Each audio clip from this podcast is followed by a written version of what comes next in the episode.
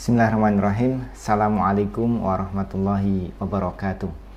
Innal hamdalillah nahmaduhu wa nasta'inuhu wa nastaghfiruh wa na'udzu billahi min sururi anfusina wa min sayyiati a'malina may yahdihillahu fala mudhillalah wa may yudlil fala hadiyalah. Wa asyhadu an la ilaha illallah wahdahu la syarikalah wa asyhadu anna Muhammadan abduhu wa rasuluh. Ikhwah fillah yang dimuliakan oleh Allah Subhanahu wa taala, sahabat sekalian, teman-teman sekalian, eh, anggota halakoh yang semoga Allah Subhanahu wa taala mengistiqomahkan kita semuanya untuk senantiasa belajar terkait dengan Islam ini, mengupgrade diri kita untuk menjadi lebih baik lagi sehingga mudah-mudahan Allah Subhanahu wa taala mudahkan jalan kita menuju kepada keridhaannya. Amin Allahumma amin. Nah, ikhwas sekalian, eh, kita sudah sampai pada pembahasan terkait dengan iman kepada hari akhir dan kita sudah masuk pada subbahasan terkait dengan asratus sa'ah tanda-tanda hari kiamat. Kita sudah melewati tanda-tanda kiamat yang sudah terjadi kemudian yang sedang terjadi dan akan terus terjadi dan pembahasan yang ketiga adalah tanda-tanda hari kiamat yang belum terjadi. Ya. Atau kemudian itu secara umum adalah tanda-tanda kiamat yang yang besar. Tanda-tanda kiamat yang yang besar. Oleh karena itu uh, kita akan coba uh, yang belum terjadi itu ada beberapa ulama membaginya menjadi yang kecil dan menjadi yang yang besar. Misalkan kalau yang kecil tetapi belum terjadi itu disebutkan dalam uh, kurikulum ini ada empat, ada tiga, ada tiga yang belum terjadi. Yang pertama adalah kembalinya Jazirah Arabia menjadi subur dengan tanaman-tanaman hijau dan sungai-sungai yang mengalir di Jazirah Arab tersebut. Ini uh, ketika buku ini ditulis mungkin uh, fenomena itu belum begitu kelihatan tetapi beberapa uh, bulan belakangan ini atau tahun belakangan ini setahun dua tahun ini fenomena itu sedikit banyak mulai muncul ya. mulai muncul terkait dengan suburnya beberapa daerah di Jazirah Arab dan ini adalah merupakan tanda-tanda kiamat kecil yang kalau dalam buku ini masih belum terjadi atau belum muncul tapi sekarang sudah sudah muncul. Kemudian yang kedua yaitu tersingkapnya gunung emas di sungai Efrat. Ya. Hadis yang menunjukkan ini uh, ada banyak, ada beberapa, maaf. Uh, nanti bisa di, di, di browsing. Kemudian yang ketiga adalah terkaitnya dengan munculnya Imam Mahdi. Ya. Nah, ini ada beberapa ulama yang memberikan klasifikasi bahwasannya mulai munculnya Imam Mahdi ini menjadi tanda-tanda kiamat yang besar, kubro. Tanda-tanda kiamat kubro. Oleh karena itu, eh, kita tidak akan membatasi pembagian kecil atau besar, tetapi kita akan membahas terkait dengan tanda-tanda itu ya, yang mutlak hari ini belum muncul adalah mulainya tadi munculnya Imam Mahdi, kemudian Uh, itu yang pertama. Kemudian yang kedua adalah munculnya Dajjal. Kita akan bahas pada kesempatan uh, halakoh kita online pada uh, pekan ini. Kemudian nanti turunnya Nabi Isa alaihissalam. Kemudian keluarnya Ya'jud dan Ma'jud. Kemudian terjadinya gerhana di tiga tempat. Munculnya asap. Kemudian terbitnya matahari dari barat. Kemudian munculnya top binatang yang aneh dan kemudian yang terakhir adalah keluarnya api dari arah Yaman yang menerangi manusia menggiring hingga ke padang masyar. Jadi ada sembilan tadi dimulai dari munculnya Imam Imam Mahdi. Nah, e, seperti yang kita sarankan agar teman-teman memudah nanti untuk murojaah maka bisa disiapkan e, alat tulisnya, alat tulisnya yang kemudian nanti bisa e, kita mengingat memurojaah lebih lebih lanjut lagi walaupun sekarang eranya teknologi antum semua memang kita sengaja ini rekaman nanti bisa diulang-ulang uh, dalam berbagai macam kesempatan. Salah satu buku rujukan yang saya pakai adalah uh, kalau dalam terjemahan bahasa Indonesia adalah untuk setiap muslim memahami akidah dan syariat dan adab um, ditulis oleh Profesor Dr. Abdullah Al-Muslih dan Profesor Dr. Salah Al-Sawi yang dimurajahi oleh Syekh Saleh bin Fauzan bin Abdullah Al-Fauzan. Ya, judul aslinya adalah Malayasa'u Al-Muslim Jahluhu. Ya, jadi ini uh, buku yang uh, cukup terkenal dan kemudian dipakai diterbitkan oleh Islamic Foundation yang dipakai di beberapa tempat untuk uh, terkait dengan pokok-pokok uh, ajaran Islam ini. Baik, kita mulai. Jadi tanda-tanda kiamat yang uh, katakanlah besar dan kemudian belum terjadi adalah di antaranya adalah munculnya atau turunnya Imam Mahdi. Dan kita semuanya uh, insya Allah uh, sudah masyur terkait dengan kabar ini. Nanti ada beberapa hadis yang mau kita kupas pada kesempatan yang singkat ini, tetapi tidak uh, seluruhnya. Di antaranya adalah misalkan dari uh, Ummu Salamah radhiyallahu taala anha bahwasanya Rasulullah Shallallahu alaihi wasallam bersabda hadis ini diriwayatkan oleh Imam Abu Dawud, Ibnu Majah dan Al Hakim uh, dan setentunya adalah sahih. Beliau menyampaikan Imam Ahmad uh, maaf uh, Ummu Salamah menyampaikan bahwasanya Rasulullah bersabda Al-Mahdi itu berasal dari keturunanku, keturunan Nabi Muhammad SAW dari jalurnya Fatimah, anaknya Fatimah. Ya, itu terkait dengan dengan nasab beliau. Dan beberapa terkait dengan nasab ini misalkan dalam uh, hadis yang diriwayatkan oleh Ali bin Abi Thalib radhiyallahu taala anhu, riwayat Ahmad dan Ibnu Majah menyampaikan Rasulullah bersabda, Al-Mahdi itu dari keturunan kami ahlul bait dipersiapkan Allah pada suatu malam. Itu terkait dengan Imam Mahdi. Dari sahabat Ali radhiyallahu taala anhu pula beliau berkata bahwasanya Rasulullah shallallahu alaihi wasallam bersabda, seandainya zaman tidak tersisa kecuali hanya sehari, yang kemudian dalam waktu dalam sehari ini Allah kemudian berkenan untuk uh, apa yang mengatur hari tersebut bisa panjang, bisa kemudian uh, yang dikehendaki oleh Allah Subhanahu wa taala. Tetapi redaksi hadisnya adalah satu hari saja, tidak akan tersisa. Niscaya Allah akan mengutus seorang laki-laki dari keturunan ahli baitku yang akan mengisi dunia dengan keadilan saat dunia penuh dengan kecurangan. Hadis sahih riwayat Imam Ahmad dan Abu Dawud. Yang terakhir, hadis yang mau kita sampaikan adalah dari Abu Sa'id Al-Khudri radhiyallahu taala anhu bahwasanya Rasulullah sallallahu alaihi wasallam bersabda, Al-Mahdi berasal dari keturunanku.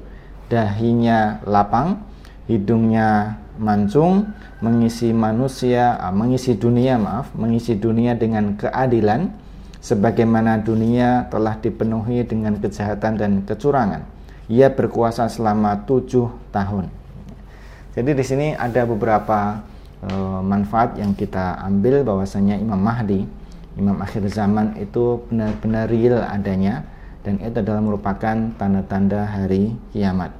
Di mana kemudian dari sisi nasab sudah jelas beliau adalah keturunan Nabi Muhammad SAW bahkan secara spesifik itu disebutkan dari jalurnya Fatimah dan dia adalah seorang Quraisy.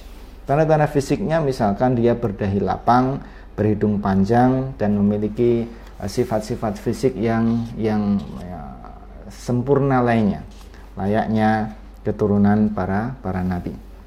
Kemudian sifat yang lainnya adalah dunia pada saat itu berada dalam kecurangan, kezaliman dan pokoknya chaos.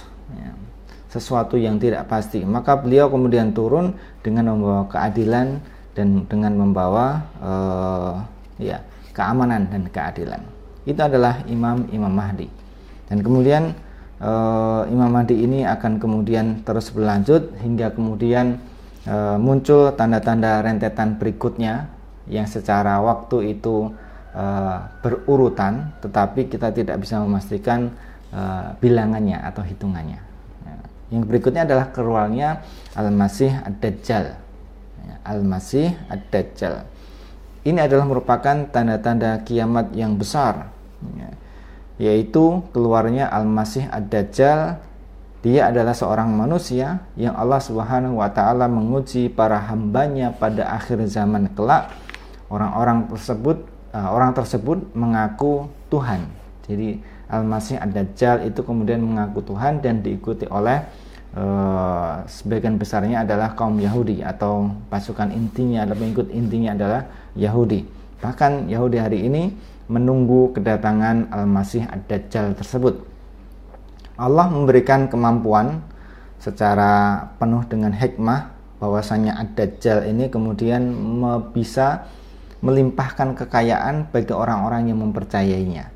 Kemudian melanyapkan dunia bagi orang-orang yang menolaknya, menundukkan perbendaharaan bumi terhadapnya, angin, kemudian eh, segala macam yang ada di bumi ini tunduk dan patuh atas perintah Dajjal ini bisa menurunkan hujan, menciptakan kemarau dan lain sebagainya. Ya. Kemudian bumi pun juga patuh ketika diperintahkan untuk menumbuhkan tumbuhan atau kemudian uh, sebaliknya menghidupkan kembali orang-orang yang telah dibunuhnya. Semua ini atas izin dan takdir dari Allah Subhanahu wa taala sebagai penguji uh, hamba-hambanya di akhir zaman kelak. Kemudian Allah Subhanahu wa taala dengan segala hikmahnya melemahkannya, melemahkan dajjal tersebut sehingga tidak mampu membunuh orang yang telah dihidupkannya ataupun yang lainnya perintah-perintahnya tidak lagi berfungsi lalu kemudian Dajjal ini dibunuh oleh Nabi Isa alaihi salam yang turun ke muka bumi ini.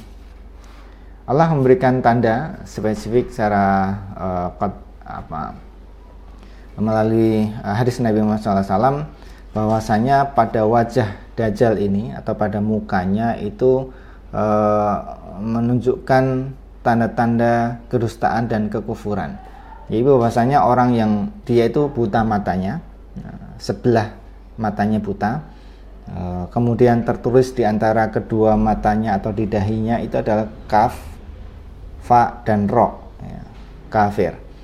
Yang dapat dibaca tanda-tanda di dahi dajjal ini oleh setiap orang-orang yang beriman. Baik dia yang bisa membaca maupun tidak bisa membaca. Jadi terlihat jelas ini.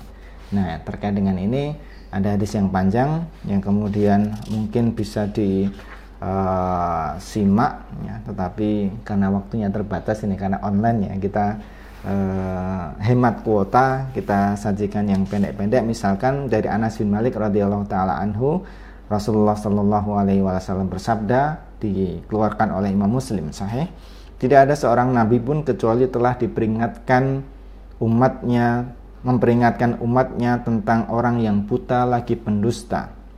Ya. Al-kadzab. Ya. Ketahuilah bahwa orang tersebut buta dan sesungguhnya Rob kalian tidak buta. Di antara kedua mata orang tersebut tertulis kafa dan ro. Ya.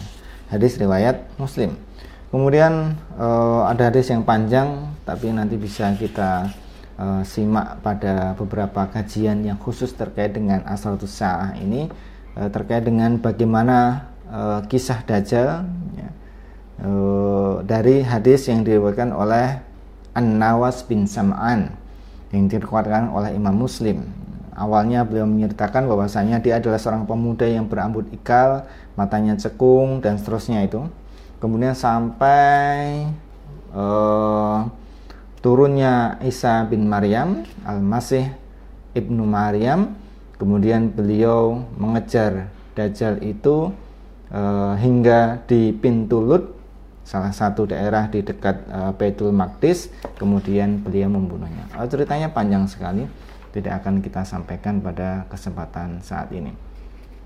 Dajjal juga diikuti oleh 70.000 Yahudi Asbahan yang mengenakan pakaian kebesaran. Ini disebutkan oleh Imam Muslim dalam kitab Al-Fitan. Kemudian Dajjal juga tidak uh, memasuki seluruh negeri. Jadi Anas bin Malik meriwayatkan dari Nabi Muhammad SAW bahwasanya beliau bersabda tidak ada suatu negeri pun kecuali pasti dihampiri oleh Dajjal. Semua negeri kecuali Mekah dan Madinah. Tidak ada satu sudut pun dari sudut-sudutnya kecuali ada dua barisan malaikat yang menjaganya. Ini adalah beberapa hadis-hadis terkait dengan Dajjal yang ini adalah merupakan tanda-tanda hari kiamat sudah dekat. Berikutnya adalah turunnya Isa bin Maryam. Nanti teman-teman yang tertarik dengan ini kita bisa uh, mendiskusikan lebih lanjut lagi kalau ada kesempatan. Ya. Uh, turunnya Isa bin Maryam ini adalah merupakan tanda-tanda kiamat yang besar. Bahwasanya ketika Nabi Isa bin Maryam itu turun dan kita meyakini dahulu Nabi Isa ini Allah Subhanahu wa taala angkat ke langit sesuai dengan kemuliaan Allah Subhanahu wa taala dan sekarang e, masih hidup. Di akhir zaman kelak ketika muncul Imam Mahdi, kemudian muncul Dajjal, kemudian di akhir-akhir kemunculan Dajjal ini maka Nabi Isa turun. Nah, misalkan dalam hadis tadi itu e, turunnya Nabi Isa itu di Menara Putih di sebelah timur Damaskus. Beliau mengenakan dua pakaian putih, sementara kedua tangannya diletakkan di atas sayap dua malaikat. Ini penggambaran yang tentu saja uh, walillahi masalul a'la. Nah, kuasa Allah Subhanahu wa taala, permisalan dari Allah Subhanahu wa taala itu adalah permisalan yang lebih tinggi dan lebih mulia. Tentu saja misalkan tadi sayap malaikat itu tidak sama dengan sayap burung dan lain sebagainya. Jadi eh, kemuliaan itu yang kemudian melekat pada uh, permisalan untuk Allah Subhanahu wa taala dan kejadian-kejadian yang uh, belum belum terjadi.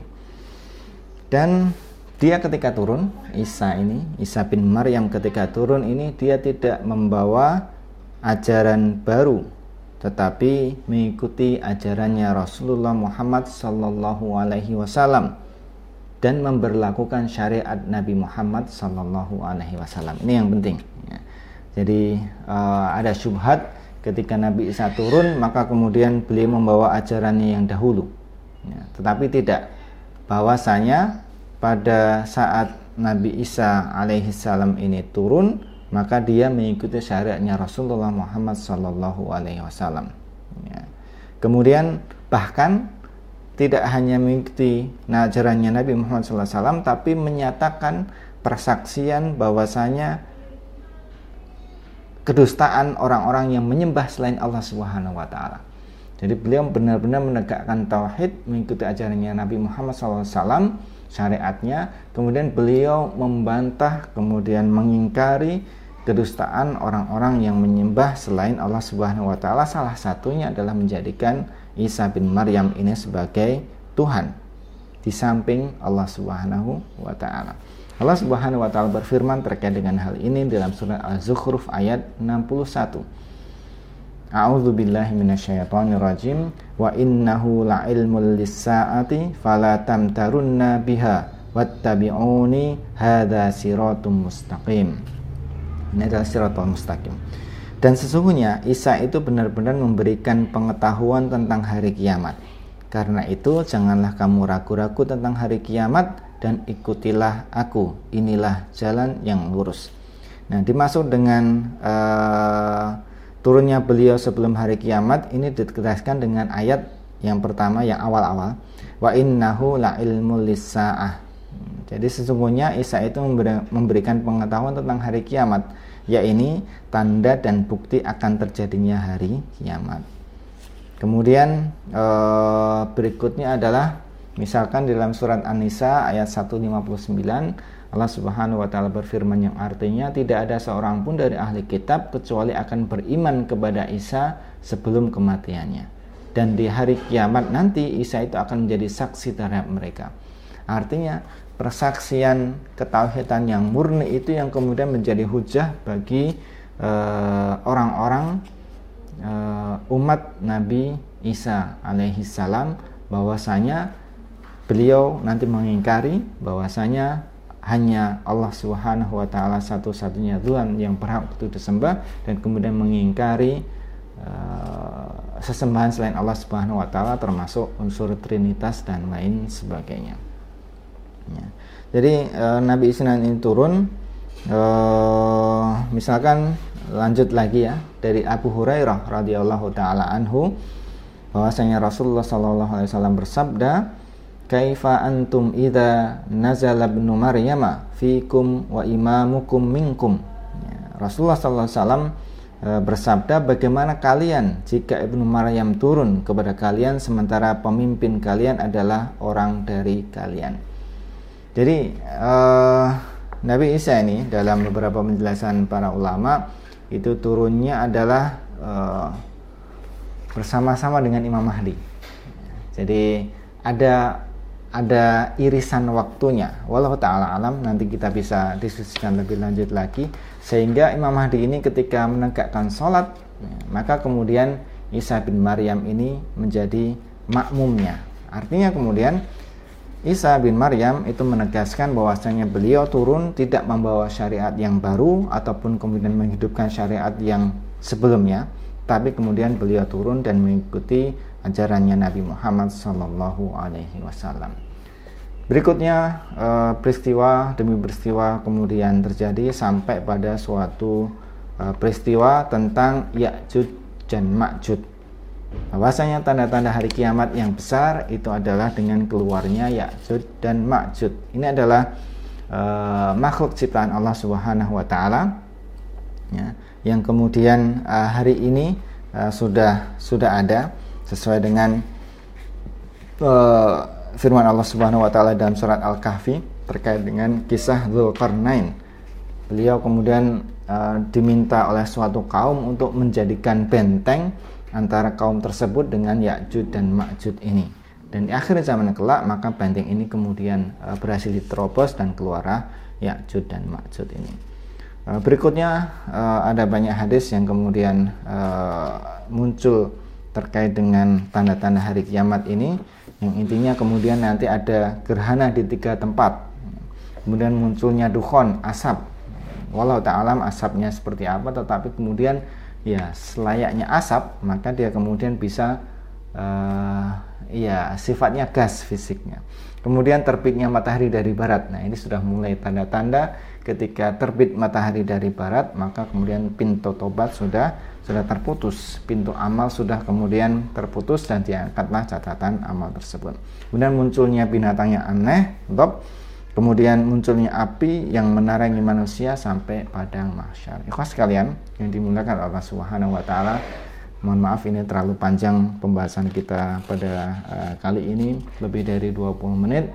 Oleh karena itu kita cukupkan sampai di sini. Yang intinya bahwasanya kita mengimani bahwasannya hari kiamat itu pasti akan tegak. Dan hari kiamat itu tidaklah tegak kecuali dengan tanda-tandanya. Dan yang kita sebutkan pada pekan ini adalah tanda-tanda kubro tanda-tanda besar yang belum terjadi dan kita berdoa kepada Allah Subhanahu wa taala yang terbaik. Mudah-mudahan kita diselamatkan dari fitnah-fitnah tersebut karena fitnah ini amatlah sangat dahsyat. Fitnah dajjal fitnah Ya'jud dan Ma'jud, fitnah bahkan sampai nanti munculnya asap dan lain sebagainya itu dunia dalam keadaan eh, hampir porak-poranda karena Allah Subhanahu wa taala hendak ま。Menjadikan saat-saat terjadinya hari kiamat diawali dengan tanda-tanda tersebut. Wallahu taala alam, mudah-mudahan ini menambah keimanan kita semuanya untuk bersegera beramal soleh dan kemudian untuk bersegera meninggalkan segala macam kemaksiatan dan larangan Allah Subhanahu wa taala dan mudah-mudahan Allah Subhanahu wa taala mengumpulkan kita semuanya dalam dalam kebaikan. Subhanakallahumma wa bihamdika asyhadu alla ilaha illa anta astaghfiruka wa atubu ilaik. Wassalamualaikum warahmatullahi wabarakatuh.